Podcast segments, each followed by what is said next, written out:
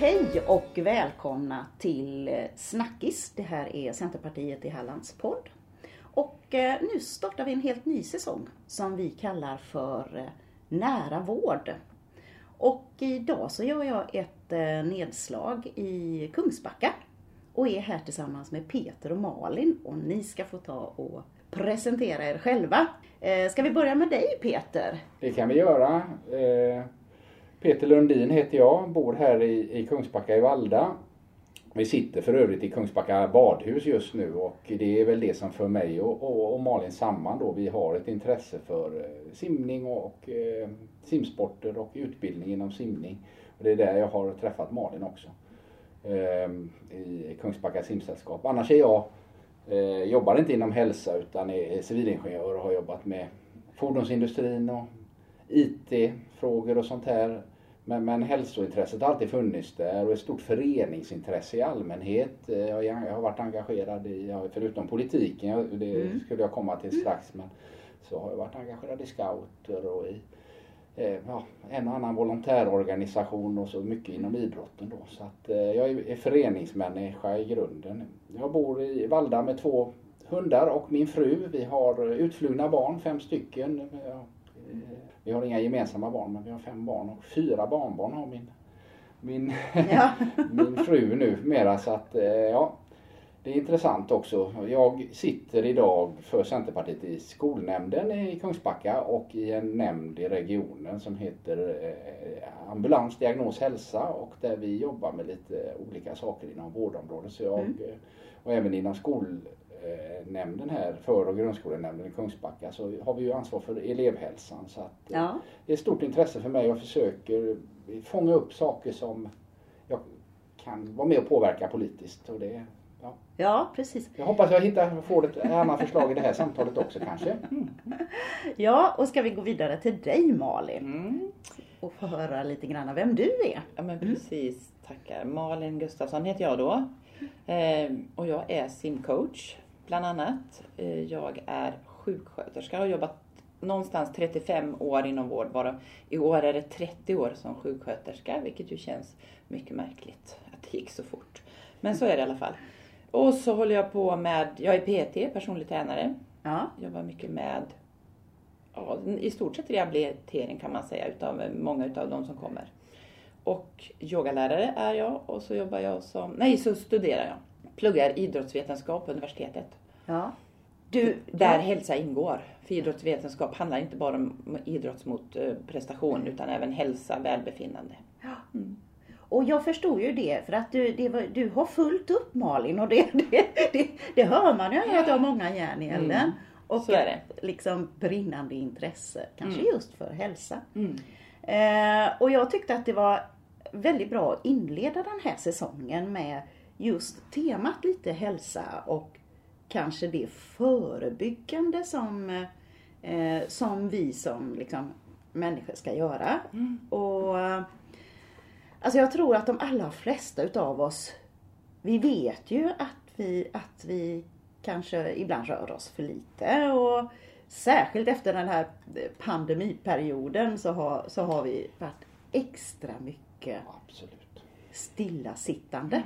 Mm. Eh, lite granna eh, hur ser du i, liksom i sjukvården och så att eh, skillnaden på om man kommer och är, är, kanske lite mer tränad mot att man är otränad? otränad. Ja. Det finns ju många ingångar på det. Mm. Dels att som tränad, om du har en god kondition eller fysik när du kommer så har du ju en snabbare återhämtning efteråt. Men om vi tänker oss, om jag tittar på de som är lite äldre, eh, så ser man ju att har du rört dig, har du varit aktiv i ditt liv, så klarar du av en sån enkel sak som att sätta dig och resa dig upp ur din säng själv. Du kan gå på toaletten själv. Alltså en integritetsfråga bara där, för att de som inte har varit aktiva, de har betydligt svårare och behöver vår hjälp att resa sig i och ur säng och komma på toaletten. Och det var väl kanske en sån sak som faktiskt fick mig att börja fundera på att bli personlig tränare. Mm. Just att det är, en, det är en sak, vi, vi vill ju kunna klara oss själva så länge som det är möjligt. Och jag har nära som själv är, eller som är äldre och befinner sig i den situationen. Mm. Där jag ju ideligen tjatar res dig, sätt dig, res dig, sätt dig. Mm. En sån basic sak. Vi, vi tappar ju våran muskelmassa, det börjar ju redan i 40-årsåldern. Ja. Och håller vi inte det igång så kommer vi ju tappa den vartefter. Ja. Mm. Och det är den som gör att vi kan resa oss upp och ner. Mm. Sen om man har skador eller sådana saker, det är en helt annan sak. Men om vi tittar på den hyggligt friska människan. Mm. Ja. Fysiskt friska tänker jag nu. Mm.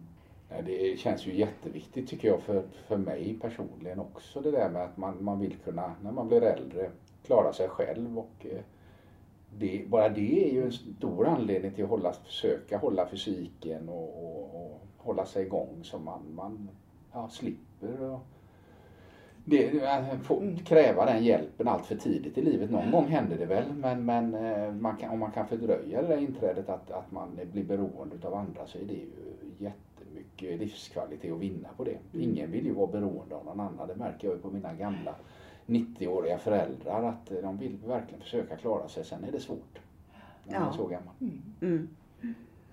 Men jag tänker också att eh, vi i vårt eh, liksom, samhälle som vi har nu, blir, att det blir mer och mer vad ska man säga, aktuellt eftersom fler och fler har mer stillasittande jobb. Mm.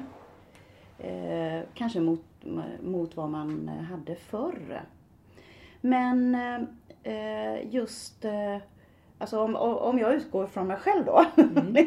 så kan det vara så här att, att, eh, att man, man behöver hitta någonting som är roligt eller sådär. Absolut. Ja.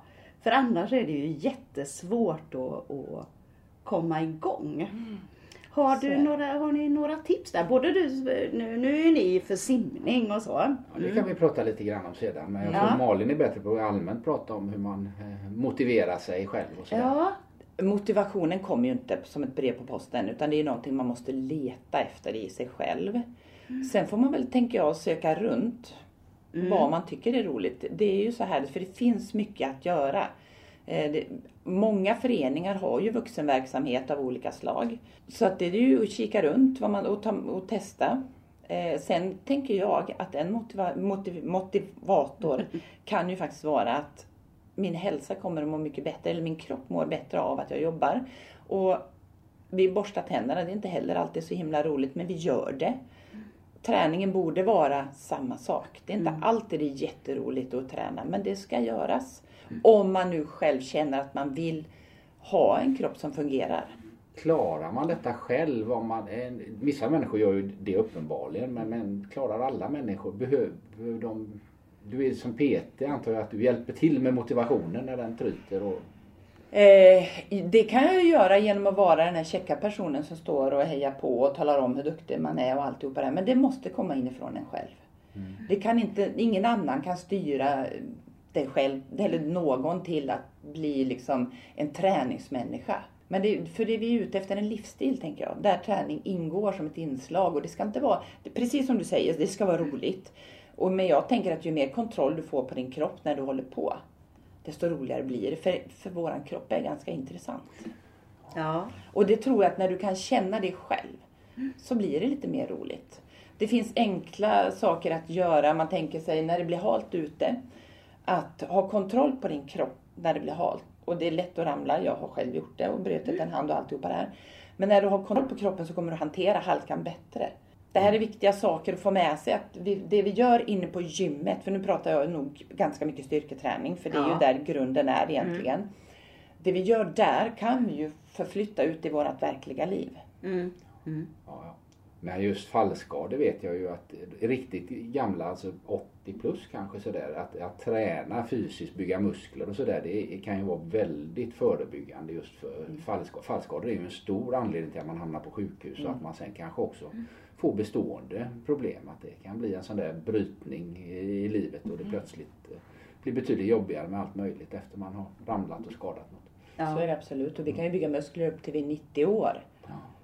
Och i vissa fall kanske inte det vi behöver bygga muskler, men vi ska bibehålla de som finns. Mm. Men det jag, jag, tänker på eh, lite grann, det är ju så här januari, vi är feb, feb, början på februari nu, de här nyårslöftena som, som så många har och gymmet är fullt i januari men det börjar trappa av nu i februari. mm.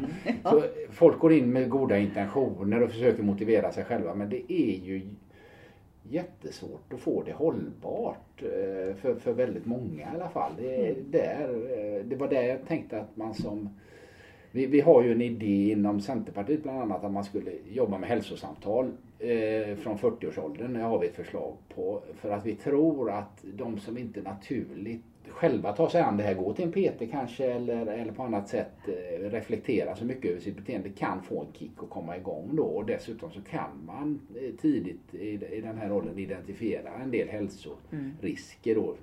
Rökning är ju en naturlig då man kanske kan hjälpa mm.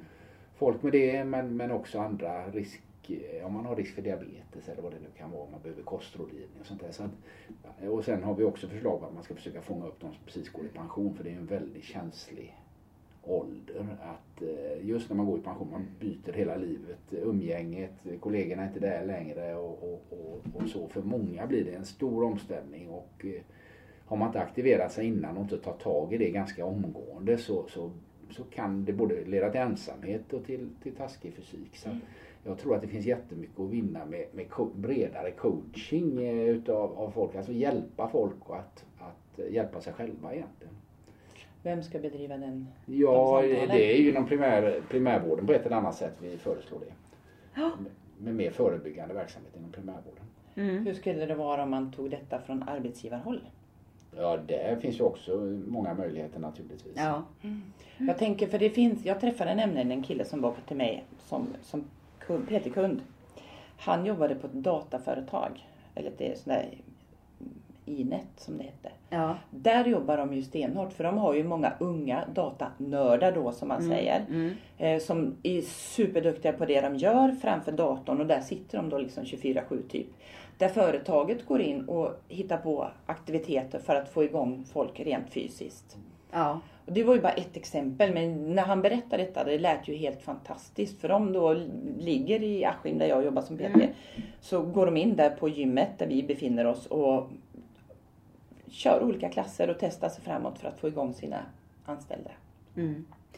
Det känns ju som, för det, för det är precis som arbetsgivaransvaret där är ju, är ju naturligtvis viktigt och där känns det ju som om att det är väldigt, kan vara väldigt varierat. Mm. mm. Så att eh, naturligtvis vore det kanske väldigt bra om arbetsgivaransvaret fanns det men sen så finns det många också som är konsulter och arbetar själva och sådär. Ja, som ja. Malin här då som är entreprenör och jobbar ja. själv med sina saker. Eh, om, nu är du i hälsobranschen så det är ju naturligt för dig. Ja. Men, men, det finns ju många som kanske är i IT-branschen eller så. De, de hittar ju inte detta på jobbet så det är på något sätt att eh, hitta former där man kan fånga, upp och stöd. Upp det. Upp och stöd. Mm. det finns lite olika perioder som är känsliga tror jag. Det ena är ju eh, när man lämnar skolan eller gymnasieåldern, väldigt många slutar ju träna. Föreningslivet är ju som aktivast, aktivast för barn upp till 12-13 år. Ja. Sen börjar de troppa av flickorna först och sen killarna tyvärr. Och det har vi ju märkt inom simningen och det är svårt att hålla dem kvar. Och mm. när man tittar på hur folk tränar i 20-årsåldern finns det en riktig dipp på, på liksom hur aktiva människor är. Sen eh, när de blir lite vuxna upp på 30-årsåldern så börjar man komma igång lite grann igen. Ja. Men, att grundlägga vanor redan från skolan och genom föreningsliv och sådär när man är ung tror jag är också en jätte, jätteviktig sak. Mm, absolut. Mm.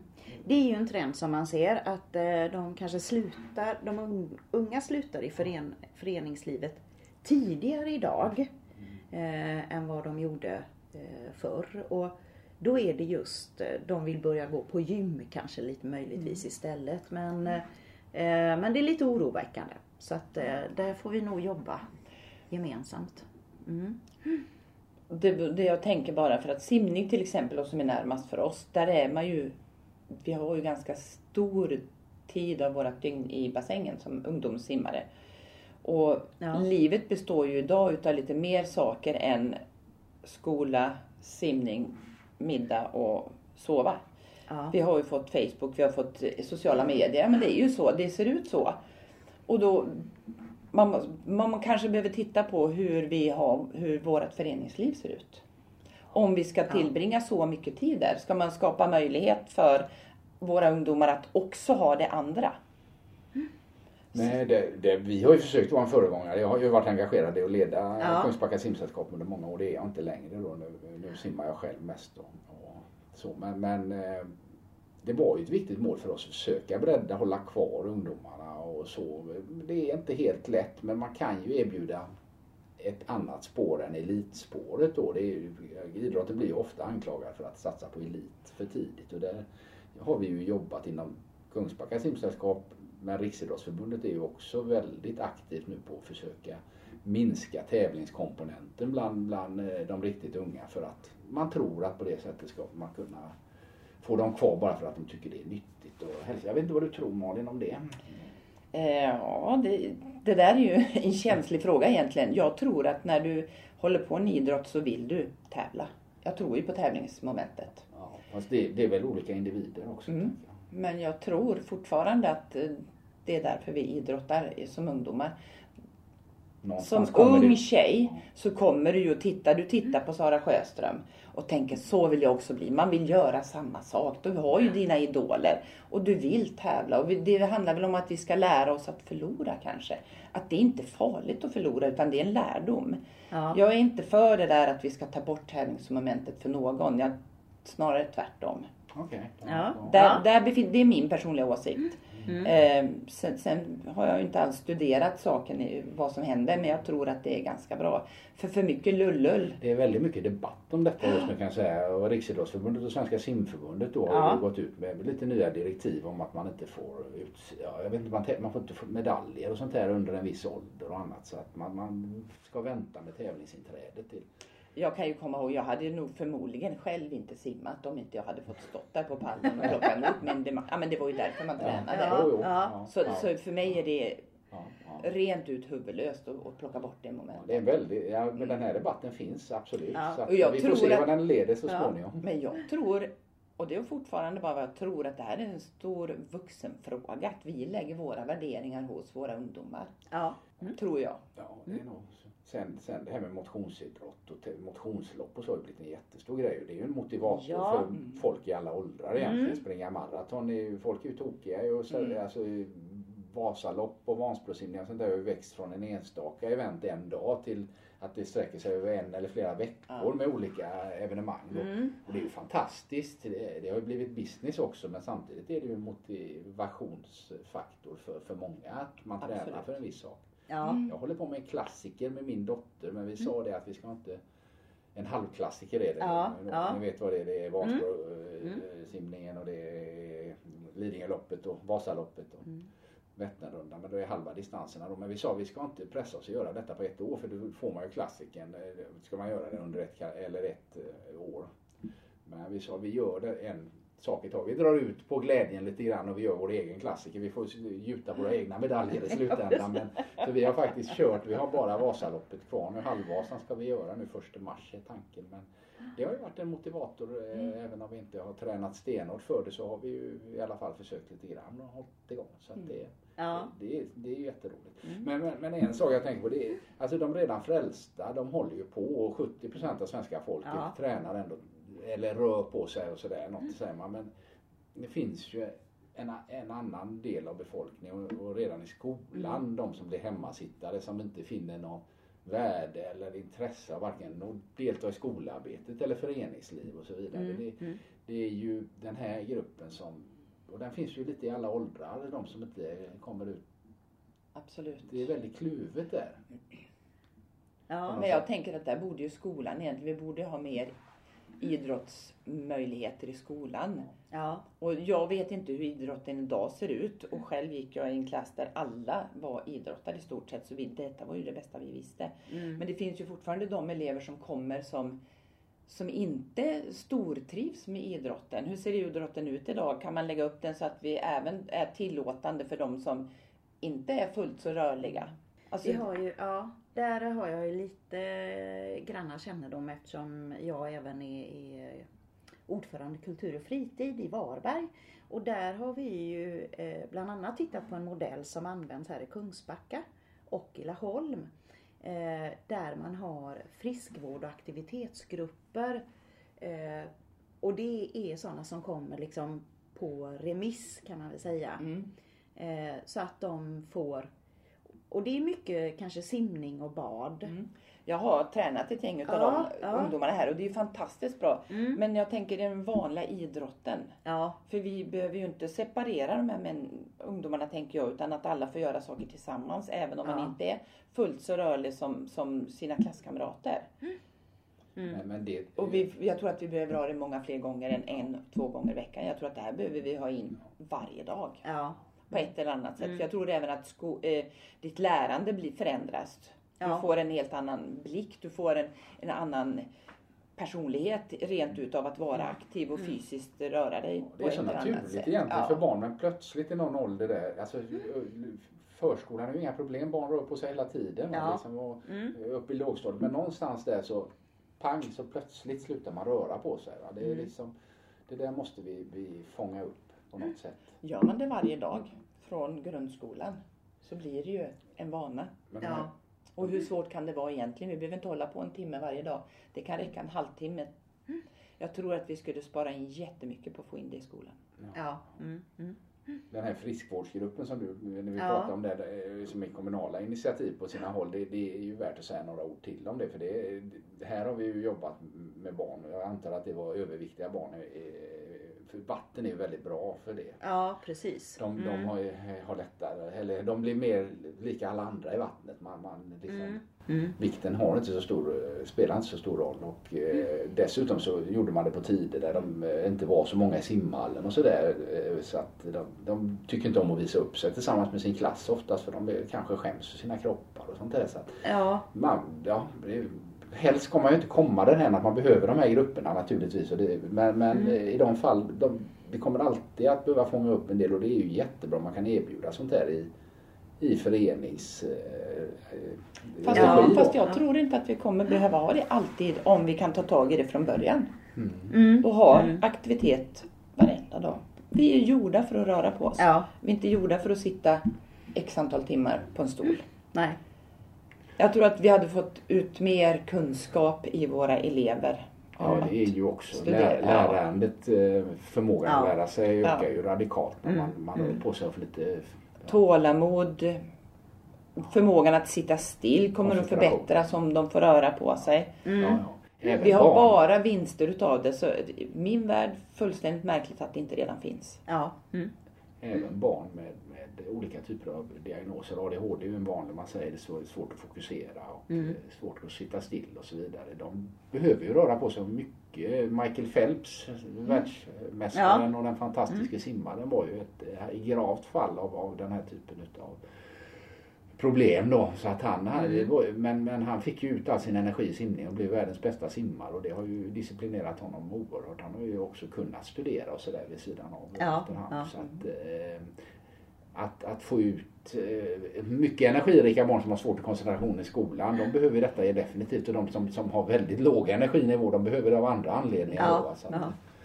det, det är helt rätt. Mm. Klarar vi av att göra detta i skolan och få med goda vanor så, så, så hänger de med hela livet i de allra flesta fall. Mm. Så det, det börjar där som så mycket annat här i livet tänker jag. Mm.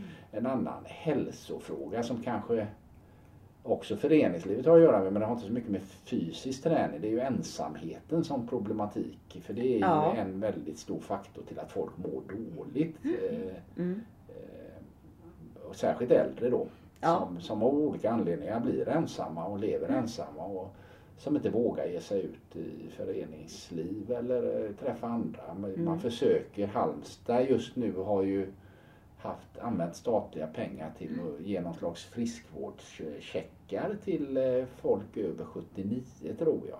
Ja. Men, men det är klart att det är de redan frälsta på något sätt som tar dem där och går någonstans för de, de kan använda, de fick 400 kronor förra året och jag tror det är lika mycket de ska få nu under våren då, Ja. i checkar som kunde användas på ett begränsat antal ställen till yoga bland annat. Eh, men de har inte utnyttjats i någon stor utsträckning så det är inte så lätt att komma igång bara genom att man får en check på bordet eller sådär utan det, Nej. det krävs nog att man verkligen jobbar med, med folk som, som Ja. inte har den här vanan då. Vi har ju någonting eh, som eh, vi kallar för eh, vad ska man säga, aktiv senior i Varberg som är liksom för att engagera alla de äldre och sådär.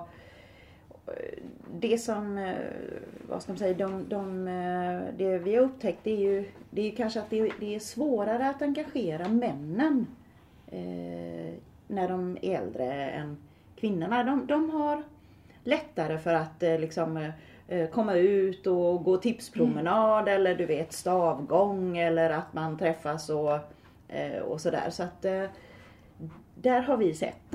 Har du några kanske tips på hur vi, hur vi kan engagera men jag tänker att man får prova lite olika saker. Ja men jag, alltså spontant tänker jag uppsökande verksamhet. Men vem ska göra den? Nej.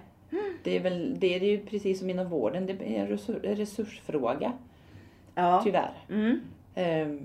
För, för annars, jag vet ju, jag jobbar ju som sagt på gym och vi kör gruppträning för seniorer. Ja. Jättepopulärt. Ja. Och fantastiskt trevligt. Och vi behöver ju fysisk träning, alltså annat mm. än promenader. Vi behöver ju belasta våra muskler. Ja. Och lägga det, det är självklart att eh, gymkedjorna gärna skulle hålla på så men de håller ju inte på med uppsökande verksamhet utan dit får man ju också söka sig själv. Ja. Det är ju väldigt mycket så. Det var därför jag var inne lite grann på det här när vi kom in på, det, på förebyggande vård, hälsosamtal och sånt där. Att ja. Det här primärvården, våra vårdcentraler har inte den uppgiften. Det är ju bara reaktivt. Den som söker sig dit får någon form av hjälp. Oftast är det behandlande hjälp. Det är ju inte för, så ofta förebyggande hjälp. Nej. Nej. Um, där, min vision är ju definitivt att vårdcentralen skulle ha en mer uppsökande roll inom sitt område och bjuda in och jobba med hälsofrämjande och ja. Eh, förebyggande mm. saker i olika, egentligen alla åldersgrupper för att hjälpa till att fånga upp eh, folk eh, och kanske slussa dem till, till olika civilsamhällesorganisationer, föreningar och sådär. Mm, mm. Men då är det ju en resursfråga. Ja, det är absolut svårt att se detta hos en vårdcentral idag. Ja, absolut. Ja, ja, absolut. Det är fortfarande där Men det vi hamnar. Ju, förhoppningen är ju på något sätt att man kan föra resurser från slutenvård till primärvården eller åtminstone öka primärvården för att primärvården ska få mindre vårdande och mer förebyggande verksamhet hos sig. Eh, mm. Att, att omfördela helt enkelt. Jag tror ju själv att en krona satsad i förebyggande och främjande verksamhet kan ge många kronor tillbaka i slutändan. Hälso. Absolut. Och på men... något sätt sakta så borde man ju kunna förändra det. Förändra det. Mm. Jag tror att man behöver tillsätta mer pengar just nu för slutenvården. Du kan inte plocka pengar därifrån idag. Nej, det kan Nej, nej. det ja, finns ju inte en möjlighet. Det är vi väldigt överens om. Ja. Mm. Eh, utan du får nog tillsätta på något vis. Absolut. Absolut. Och det måste, men så är det ju nästan alltid. Man kan ju det där med att flytta till förebyggande, det, man måste börja där för att kunna få hem det så Ja, så det, ja, krävs ju, det krävs ju investeringar, det har du helt ja, rätt ja. Nej, nej, det var inte heller min tanke. Mm. Det, det, mm. måste till en samhällssatsning på förebyggande saker. Det finns ju lite intressanta sådana här saker där man, där man samarbetar med privatindustri, något försäkringsbolag. I, i, i Stockholm tror jag det man har tittat på hur, för, hur förebygger man diabetes 2. Ja. Och där pratar man om en hälsooption där, där ett försäkringsbolag och någon bank har gått samman och faktiskt satsa pengar i förebyggande vård och sen ska man mäta vad detta ger för utfall på de här grupperna och sen får de tillbaka pengarna beroende på utfallet. Eh, liksom, mm. gör, det, gör den här främjande verksamheten att vi får färre att behandla så mm. småningom. Så det, det är egentligen precis det sättet och där använder man finansiering ifrån från eh, försäkringsbolag och bank så att man tog inte skattebetalarnas pengar där heller. Nej, nej. Mm. Och det är ganska intressant. Sånt skulle man kunna jobba med mer om inte vi har skattebetalarpengar vi kan satsa i förebyggande. Ja, ja. Mm. Det, det, finns, det finns modeller och kul eh, möjligheter där att titta på. Mm. Även för Halland. Halland har ju ett väldigt bra hälsoläge om vi ska säga någonting om det. Ja, det kan vi göra. Mm. Eh, vi blir äldst i landet i Halland faktiskt. Det, det väl, tyder väl på något. Det är kanske inte är ett mål i sig att bli äldst men, men det tyder väl på någon form av hälsa eller vad tror du Malin? Malin skrattade. Ja. Ja. ja. Men vi har ett bra hälsoläge ja. och vi har lite, vi ligger alltså på många parametrar med mäter inom vården men också på hur folk är engagerade i föreningsliv och så vidare. Lite mm. bättre än landet i genomsnitt men det är ju också en ganska välmående eh, region. Precis välbeställd, välutbildade. Och, och få inga, inga utsatta områden om vi har, eller få i alla fall. Mm. Nej, och där, där ser man ju en, eh, där kan man ju se en tydlig, skill, eh, tydlig skillnad. Eh, när, man, när jag jobbade i Göteborg just och där det finns utsatta områden.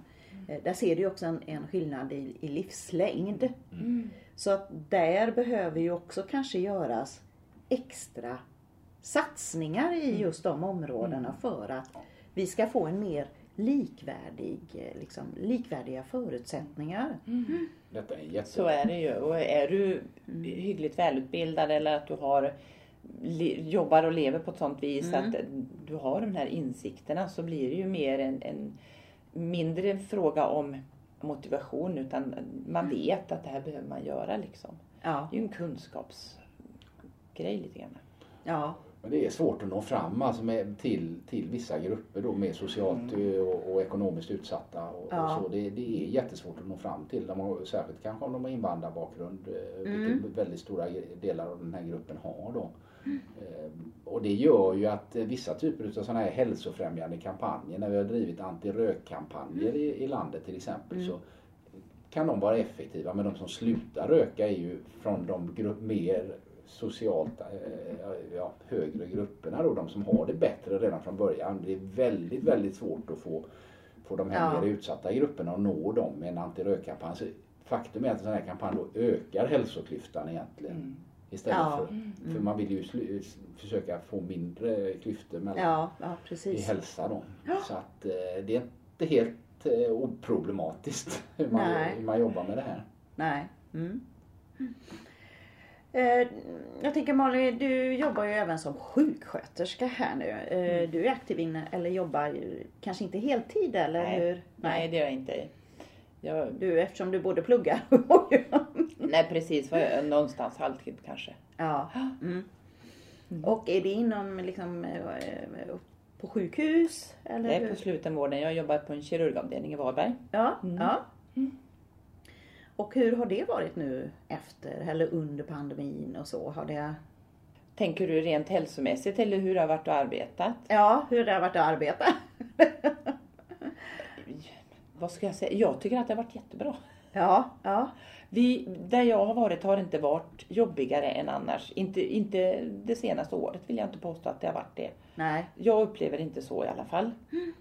Mm. Eh, såklart att vi går ju skydd, klädd, vad heter det, skyddsklädda. Ja. Det är väl det som skiljer egentligen mm. och att man eh, försöker hålla på den biten. Mm. mm. Annars är det ju som det är. Ja. Det är ju ett ständigt pågående jobb som aldrig tar paus. Nej, Sjuk, nej precis. Människor blir sjuka. Ja, ja. Sådär, så att, ja. Mm. Nej men ja, det är väl det jag tänker också för att eh, nej, men om vi nu pratar om att vi kanske har en, en vårdskuld Eh, som vi har byggt upp liksom, eh, under pandemin och sådär. Nu vet jag inte om den är den är nog inte så stor för Halland som den kanske är eh, i övriga landet.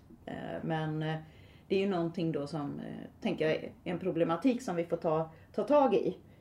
Om vi har liksom personal som är, känner sig väldigt sliten och Samtidigt. Så är det ju absolut. Ja. Och nu tänker så här, det är ju så att jag är ju konsult då. Mm. Så jag drabbas ju inte på samma sätt som de som är fast anställda. De har haft det tyngre. Ja. För det, eh, personal har ju varit sjuka, vi har haft jättemycket hög mm. frånvaro. Och då tvingas ju mer mm. eller mindre folk att jobba extra mm. på ett eller annat sätt. Så så är det absolut. Mm. Så den vanliga vården om man säger, det är ju den då som drabbas för resurserna har fått tagits till annat. Ja, precis. Mm. precis. Mm, mm. Ja, den knuten lär vi väl inte lösa i, idag. Nej, och du ska ha fler, fler program om det här. Men jag tror vi, som ja. du sa där, vi har klarat oss rätt så bra. Jag, I den nämnden jag sitter i regionen har vi ju hand om bland annat eh, mammografi och sånt. Och det, det helstoppade man ju ett tag. Ja. Och, och det blev väldigt problematiskt. Men, men ganska snart så hittade man formerna för hur man skulle kunna fortsätta. Ja. Och eh, man insåg att det här går liksom inte att bromsa bara för att vi har en pandemi för då kommer vi komma efter och det kommer mm. vara kvinnor som drabbas utav cancer för ja. att vi inte har fått screenat dem i tid i mammografin. Ja. Ja. Så att mm. där jobbade de ikapp sig ganska snabbt. Samtidigt har den nämnden jag sitter i då mm. haft jag har haft väldigt jobbigt på labb och sånt där som, som är hos oss men på andra ställen har det varit lite lättare och vi har kunnat låna ut lite grann personal då till, ja. till andra platser. Så att det, har ju också varit fantastiskt hur flexibelt bland människor ändå har varit inom vården men det har nog en del varit, ja en del personer har eh, inte... jag, jag kan säga att detta har ju gått till Ja. Det har gått till på ett fruktansvärt sätt hur man har hanterat sin personal. Man mm. säger på tisdagen, på torsdag börjar du nere på kirurgen. Är det fortfarande så? Nej, nu är det inte det. Absolut inte. Nu det början var, I början ut. visste man ju inte hur man skulle hantera Nej, detta. men man, man har gjort på ett sätt som jag var, begriper jag, inte hur man bär sig åt. Det är jag helt övertygad om att det var väldigt dåligt i början. Ja, och det har jag riktigt. hört även från, från delar utav den verksamheten. Men folk kom ju ner och grät mm, mm. till kirurgen. Så får det ju inte vara liksom. Har, har, har... Nu är det inte alls så, för nu lånar man inte ut folk på det viset. Nej, Utan man... nu täcker man ju upp sin egen personal. Mm. Trots att det har varit väldigt stor frånvaro nu. Den här sista mm. eh, slängen ja. vi har haft nu har ju varit jättestor. Ja. Men nu har vi ju ändå lärt oss lite bättre vad man kan göra och vad man inte ska göra. Och sådär, så att, mm. Det är klart. Ja. Vi har aldrig haft något sånt här tidigare så det, det, är ju ändå fantastiskt hur vi har klarat det. Men det är klart en del har tagit hemskt mycket stryk. Det är mm. nog helt sant. Ja, ja precis. Mm. Ja, det är klart då. Vi, vi måste ju också tänka att, att, det är klart att vi har lärt oss otroligt mycket eh, på det här. Mm. Både vad man tänker att eh, vi behöver vara, vi behöver kanske vara mer flexibla. Mm. Också i tänket. Liksom, eh, på hur vi ska göra och ledarskapet. Som eh, mm. hur... Eh, ja. Blanda in personalen också. Jag tror vi är dåliga på det. Det är många arbetsplatser som är dåliga på det men, men kunskapen finns ju oftast bland personalen. Ja. Och att lyssna av personalen i olika beslut man tar. Absolut. Är man för dålig på. Eh, helt enkelt. Ja. För de hade kunnat hjälpa till att göra det betydligt bättre. De ja, ja. Mm, så, och, men, men är paniken där och, och, man ska göra saker snabbt så, så är det en sak mm. som en del chefer glömmer och uh, gör dåligt och uh, då har det drabbat personal och, och, inte blivit de bästa lösningarna. Och det kanske vi har kommit ikapp då efter två års pandemi men mm. det tog sin lilla tid. Ja, ja. Mm medarbetarinflytande. Överhuvudtaget är det ju ett problem. Jag vet inte eh, vad, vad dina lösningar är för, för vården som sjuksköterska. Du slutade ju själv då och jobba 100% inom vården och som anställd och så. Och, blev, eh, men vad är dina tankar runt hur vi ska bli bättre på att behålla personal? Jag tycker att du har jätterätt när du säger att in, blanda in personalen. De som är närmast, de som är på golvet. Som är så fulla av erfarenhet, som har så mycket kunskaper och tankar och allt möjligt. Att de ska få vara med. Och det tycker du, det är man för dålig på? Ja. ja. Det är, ja. Där jag har varit har jag inte sett den biten just alls. Nej, nej. Mm. Ja, vi har, vi har, de har år. faktiskt haft chefer som har lagt munkavel på personalen. Mm. Och det är liksom... Mm. Mm. mm. Nej, ledarskapet och medarbetarinflytandet är jätteviktigt. Jag, jag, alltså vi, det är säkert löner och det är fortbildning och, och sådana här saker också. Men just att få till arbetsmiljön så man trivs där handlar det, det mycket om ledarskapet och medarbetarinflytandet. Det är nog, alltså det är viktigare än, än de andra ja, sakerna. Det tror jag också. Ja. Nej men det är ju A och O mm. för att om du går till en arbetsplats eh, liksom, så, så klart att du måste ha en bra Alltså du måste ha en bra gemenskap. Du måste, måste trivas tillsammans. Och det är ju inte som så att, att alltid alla passar in. Och då måste man ju som ledare också kanske ibland våga, våga ta tag i det. Eh, för, så, för så är det ju.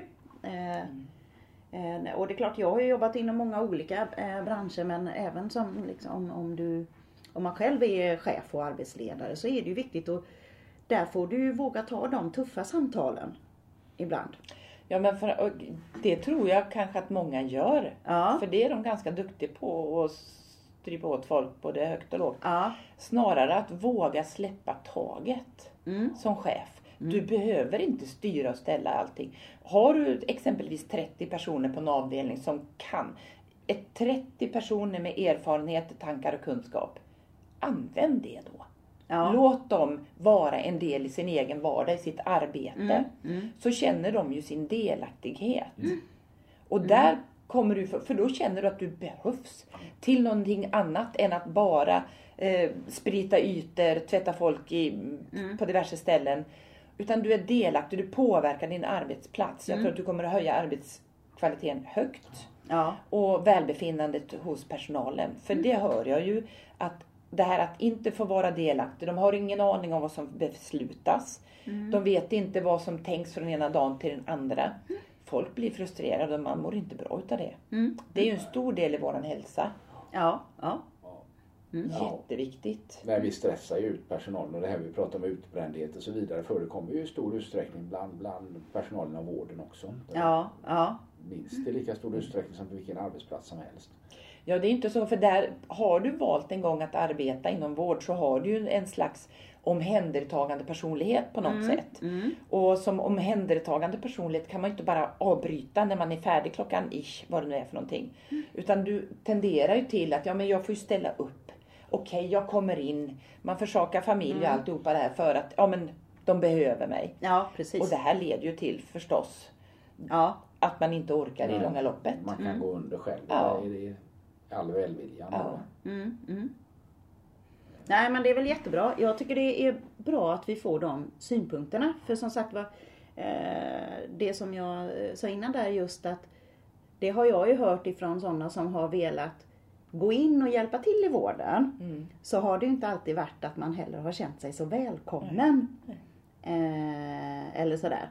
Så att, eh, så att eh, det är säkert så att man behöver jobba precis som på alla andra arbetsplatser skulle jag vilja säga. Mm. Arbeta liksom både med kulturen och, och allting. Mm. Och allting sånt. Så att det, ja. Ja, det, det är nog Fast viktigt. jag är inte så säker på att det är så inom alla, alla arbetsplatser. Jag tror, tycker nog att jag, för jag jobbar inom olika branscher. Ja, ja precis. Och jag har varit på företag där inte det är det som är det stora bekymret. Det finns ju arbetsplatser som inte har jättemycket bekymmer. Nej. Men jag skulle vilja påstå att det här, är, det här kommer ju uppifrån mm. inom vården. Ja. Det är en tradition. Mm. En hierarki som finns. Och så, hierarkin på sitt sätt inom kunskapsläget, det ska ju vara, för det, det är ju så det ser ut. Ja. Men fortfarande så måste vi ju använda de resurserna som är närmast patienten. Det finns säkert jättemycket att göra. Det är inte ja. så lätt som politiker heller att få den här insikten. Man sitter ju rätt så långt ifrån. Man sitter i någon nämnd. Vi, ja. vi är ute naturligtvis och träffar personal. Mm. Men vi träffar mest chefer och får en ganska tillrättalagd bild, bild. av verkligheten. Ja. Faktiskt. Det, och, och går man runt, vi, vi får chans att gå runt på avdelningar och sådär också. Men det är klart att ingen vill i de sammanhangen spy ut sig det som, som är dåligt. Utan nej, då vill man ju nej. på något sätt. Det är, däremot får vi ju emellanåt personal som kontaktar oss och, och, säger att det står inte rätt till och det är inte bra här. Ja. Eh, ni måste faktiskt eh, påverka hur, hur vår verksamhet ser ut, hur mm. bemanningen är eller hur mm. vi... Mm. Eh, så att vi är ju alltid öppna för det egentligen som politiker ja. och välkomnar att ja. få de signalerna. Mm. Hellre att folk kontaktar oss och vi en, en, skriver insändare och så men det är ju också ett sätt att, att påverka. Mm. mm. Naturligtvis. Mm. Men, men det är ju det är lite besvärande som du säger Malin att eh, det finns på många ställen en tystnadskultur också. Att man inte vågar helt enkelt och det mm. tror jag du har helt rätt i. Det, mm. Och det är ju på många arbetsplatser man inte vågar sticka säkert, upp. Säkert. Mm, mm. Ja, precis. Men det skulle ju välkomnas. Medarbetarinflytande handlar om att, att ja. ha högt i tak och våga ta mm. till sig synpunkter och, och sen kan inte alla få som de vill och sådär och man har schema och planläggning och sådär och ibland ja. får du inte som du vill men det, det, det handlar ju om att bli avlyssnad också och ja, kunna påverka. Jag tror att alla begriper att det går inte att ha om du nu har 30 personers eh, åsikter att alla, som är mm. olika det begriper var och en att vi kan inte ta alla de åsikterna mm. och jobba efter det. Men man kan ju lyssna och mm. man kanske kan komma till en konklusion i alltihopa. Ja, precis. Mm. Men det är ju, heter ju väldigt ofta, nu blir ju det här mina egna åsikter, men det mm. heter ju väldigt ofta att vi har högt till tak. Och det stämmer inte. Mm. För när man har avvikande åsikter så blir man ju justerad på ett eller annat sätt. Och det är jättetråkigt. Jag tror vi sätter, ah. eller du sätter verkligen fingret på det. För att det här med mm. att vi har brist på vård, eh, eller vårdplatser och så här. Och det har vi i Halland också. Va? Ja. Vi har väldigt få vårdplatser men vi har ganska goda vårdresultat å andra sidan. Så det, är inte en helt, det hänger inte helt samman det där. Men Nej. bristen på vårdplatser handlar ju inte om att det brister i antal sängar eller sådär. Det handlar ju om att vi inte har personal tillräckligt. Det är en jätteutmaning för vården och det blir bara svårare och svårare. Mm. Så vården måste få utbildade personer som stannar inom det här och det är på alla nivåer. Det är undersköterskor, sköterskor och läkare. Mm. Det gäller alla naturligtvis. Mm. Och annan administrativ personal som är duktig runt. Det finns ju tekniker och alla möjliga vi behöver på ett sjukhus för att det ska Mm. fungera. Mm. Men vi måste vara bra arbetsplatser där. Det är helt avgörande för att vi ska Ja. kunna eh, köra in sängar och, och ordna det. Det kan vi göra eh, Ja. över natten men det hjälper ju inte. Vi kan inte. Det är inte en vårdplats förrän vi har en fullfjättrad uppsättning utav kunnig personal runt. Mm. Och, och det är den riktigt stora utmaningen för det utbildas för lite. Eller vi får inte ja, den totala mängden eh, sj- sjuksköterskor, framförallt sjuksköterskor, Mm. specialistsjuksköterskor, det är jättebrist på. Ja. Och, och Malin är ju ett exempel på det som har trappat ner själv och inte vill jobba 100% inom vården utan funnit andra saker av goda anledningar och så. Men, Ja. men, eh, jättesynd då. Vi hade gärna sett att Malin var 100% inom vården. Sen, ja, precis. Men även om hon kanske är väldigt bra PT också. ja, Hon ja kan, nej, eh, men hon behövs träna det. överallt. Vissa behövs överallt. Ja. Ja. Men eh, jag tänkte jag ska ändå avsluta lite grann här med vården för att eh, när man blir drabbad av det liksom, och, och blir sjuk och har eh, legat på sjukhus så som eh, liksom patient så får jag ändå säga att eh, eh, det, jag tycker det har varit helt, eh, alltså helt fantastiskt. Eh, Och, och det får vi ju höra jätteofta. Och det är ju tack vare personalen som är närmast patienten. ja, Det är våra helt underbara undersköterskor som gör det. Mm. För de är närmast, det är ju så. Mm. De är fantastiska. mm, Och sjuksköterskor är helt under, jättebra. Mm. Och det är därför vi ska lyssna på dem. ja, Det är ju så enkelt egentligen. mm, Och sen så får man ju aldrig höra de där storyna när det går bra. Men för många säger precis som du att, Ja. eh, Helena att Ja. eh, jag, har väldigt bra erfarenhet av vården. Och jag har lite blandade erfarenheter själv eh, men, men oftast positiva. mm, Men, men det är ju aldrig det som gör tidningsrubriker Nej, eller eh, precis. så vidare. Det, tyvärr. Mm. Det vore roligt om den som har goda erfarenheter också delar med sig av dem i större utsträckning. ja, Eh, precis. mm, Jag hade en kille som skrev i mitt flöde häromdagen, en, en vän som bor i Onsala här. Han, eh, han hade varit på Varbergs sjukhus med dottern och, och var så positiv och tyckte att det hade varit så bra. Ja, Så att han var eh, och jag sa det tillbaka att jag delar med sådana historier för det, vi behöver det också. Vi behöver höra att Ja. det är bra faktiskt. För det är väldigt mycket bra. Ja, och det det det. mesta går väl men, Mm. men eh, det gnager lite de sakerna som går snett. Mm. Och ibland har det ju väldigt tråkiga konsekvenser inom Mm. vården Mm. när det går snett. Mm. Det jag tänker, eh, tiden rullar på här. Men eh, om vi återgår lite eh, tillbaks till det här med hälsa. Mm. Tänkte att vi ska ta några sista ord här innan vi knyter ihop det. Eh, Malin och Peter, har ni något medskick här? Hur ska vi eh, peppa dem som kanske känner själva att ah, men jag behöver röra mig lite mer eller jag behöver komma upp, igång? Har ni några tips till vad, vad man ska börja med kanske? Vem vill börja? Ja, alltså, jag tror för det första man måste reflektera och fundera på vad som är viktigt för mig. För, för ska du börja att träna mer till exempel. Du ska lägga några timmar i- Mm. i veckan på att gå till gymmet eller vad, någon, ja, vad det nu är som bara promenera i skogen. Då måste du kanske säga nej till något annat. Ja. Du, och det är någonting du måste skiljas från. Du får börja tänka det. Vad är det jag vill? För jag, jag, det är någonting som jag inte kan göra. Mm. Förmodligen. Mm. Eh, och det, Hur länge tänker du att de ska hålla på att träna? Nej, jag visst, nej, det är inte Nej, så men jag mycket. tänker en timme här eller en timme där. Det har vi allihopa. Det kanske är ett tv-program du måste skiljas en stund ifrån. Ja, men det Ja. kan vara nog så svårt för dig. Ja. Eller ett tv-spel eller något annat sånt här va? Eller Ja. sociala medier. Det kan vara nog så Jag svårt för tror folk. att vi klarar faktiskt. Men det hänger ju på en vilja. Ja, att vilja. Just det. Nej, men man måste... Jag tänker, du var ju inne på det från början. Vad tycker jag är roligt? Vad skulle jag tycka var roligt? Mm. För vår hälsa direkt så behöver vi gymträna. Vi behöver styrketräna. Mm. Vi behöver belasta våra muskler för att behålla den massan som finns för att vi ska kunna bära upp vår kropp. Så är det. Men det, det gör ju inte att alla, man, alla tycker inte om att gymträna. Men då får man hitta ett alternativ då. Det finns ju jättemycket. Titta igenom föreningarna vad vi har för någonting. För att jag tror att varenda förening skulle jubla om du hör av dig och säger att Hörrni, jag skulle vilja prova på nej, kanske, inte vet jag. Men någonting. Jag tror att de skulle bli jätteglada om det är någon som hör av sig och vill komma. För Ja. så har det ju varit hos oss på Masters till exempel då för detta simmare eller simmare som vill komma. Jag vill komma, varsågod kom. Alla är glada för en medlem liksom. Ja. det, vi borde kunna vara bättre i föreningar men, men ofta har för, många föreningar har brist på kapacitet. Vi hade Ja. ända till vi fick den här simhallen byggd här inte plats helt enkelt. Det var, vi hade en för liten och dålig simhall så att vi kunde inte erbjuda eh, till mer aktiviteter så därför fick vi liksom säga nej. Vi kunde inte, vi kunde inte börja med parasimning eller de här eh, Nej. friskvårdsgrupperna. Vi kunde inte ta på oss så mycket sånt där. Det- Lite grann kunde vi men inte speciellt mycket.